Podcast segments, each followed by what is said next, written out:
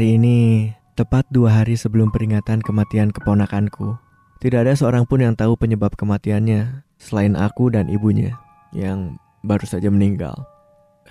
Aku tidak tahu kepada siapa aku harus menceritakannya, tapi aku perlu memberitahu seseorang. Kurasa tidak akan ada yang percaya dengan ceritaku. Mereka akan mengurungku sama seperti yang mereka lakukan kepada kakak perempuanku.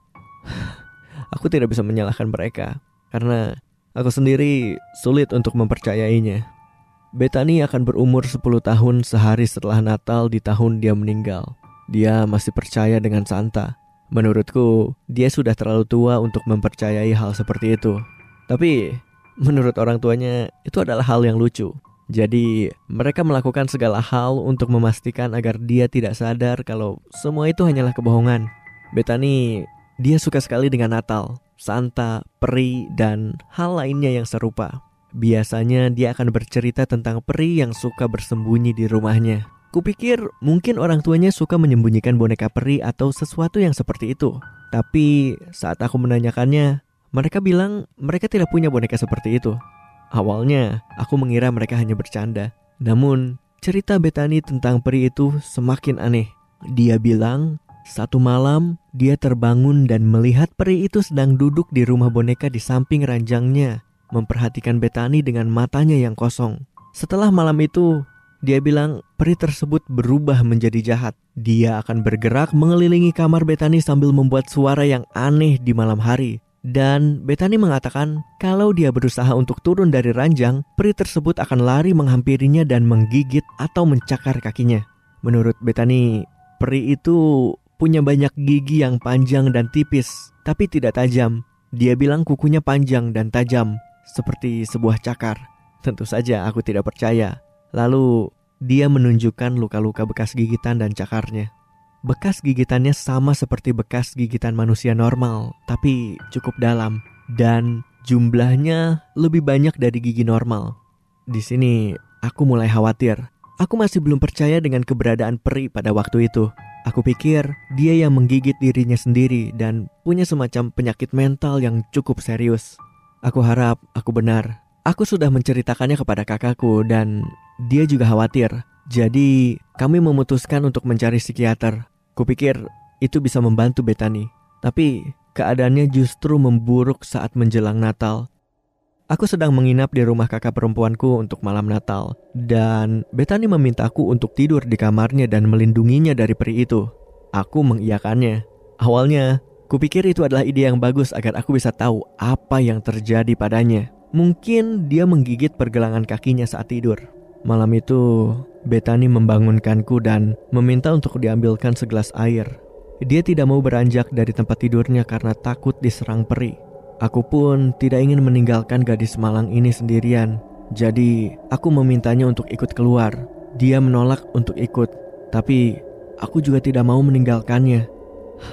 Seharusnya aku mendengarkannya. Ya Tuhan, mungkin dia masih hidup sekarang kalau aku mendengarkannya. Dia mati gara-gara aku. Saat kami sampai di depan pintu, aku melihatnya. Peri itu tinggi dengan gigi yang aneh dan mata putih yang kosong. Kukira aku sedang berimajinasi, jadi aku nyalakan lampunya. Dan dia tidak menghilang. Aku tahu seharusnya aku berusaha untuk kabur, tapi aku malah memotretnya. Dan begitu aku memotretnya, dia langsung lari ke arah kami dengan sangat cepat sampai aku kesulitan untuk melihatnya. Semua itu terjadi dengan begitu cepat. Betani yang dari tadi berdiri saja mendorongku keluar dari kamar dengan keras sampai aku jatuh ke lantai. Kemudian pintunya langsung tertutup. Aku hanya bisa mendengar suara yang melengking Saking kerasnya, sampai-sampai aku tidak bisa mendengar teriakan Bethany. Suara itu terdengar seperti mengucapkan Merry Christmas, tapi tidak dilafalkan dengan benar. Terdengar seperti Merry Christmas. Aku berusaha untuk kembali ke kamar itu, tapi pintunya terkunci. Aku mencoba menendangnya, tapi aku tidak cukup kuat. Kemudian aku lari ke dapur, mencari sesuatu untuk mendobrak pintu sambil menelpon polisi. Mereka pikir aku bercanda. Aku tidak mengerti bagaimana bisa mereka tidak mendengar teriakan ini. Kenapa orang tua Betani tidak terbangun? Kemudian aku menemukan sebuah batu bata yang setidaknya aku rasa bisa membuat lubang di pintu itu.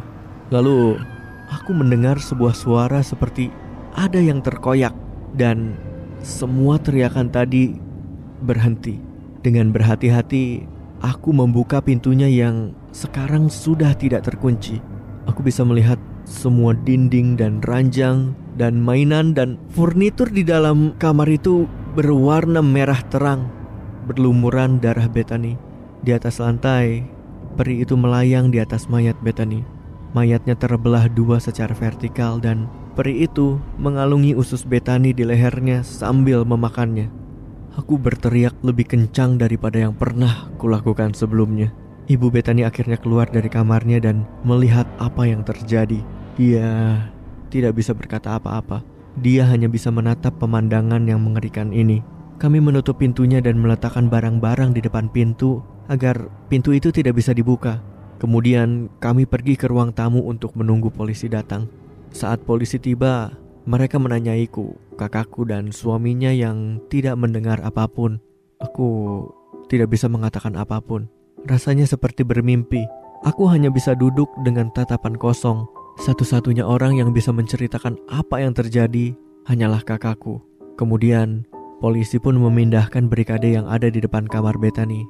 Tapi, saat mereka membuka pintunya, tidak ada apa-apa di dalam. Kamarnya terlihat normal, selain salju yang masuk dari jendela. Semua yang terjadi tadi hilang seperti permainan sulap.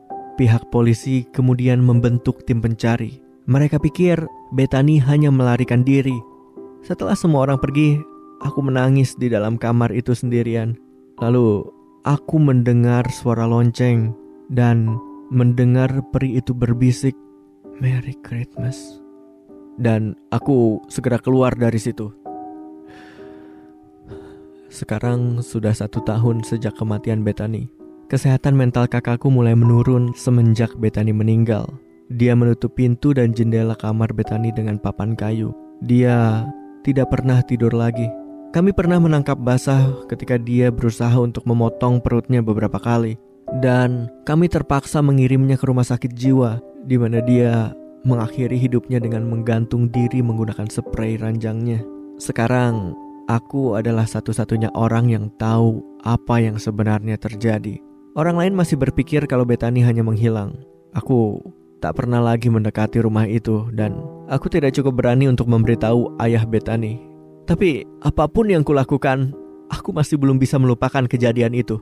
Terkadang aku masih bisa mendengarkan suara peri itu di malam hari dan aku takut dia akan membunuhku juga. Dan sebentar lagi adalah hari Natal.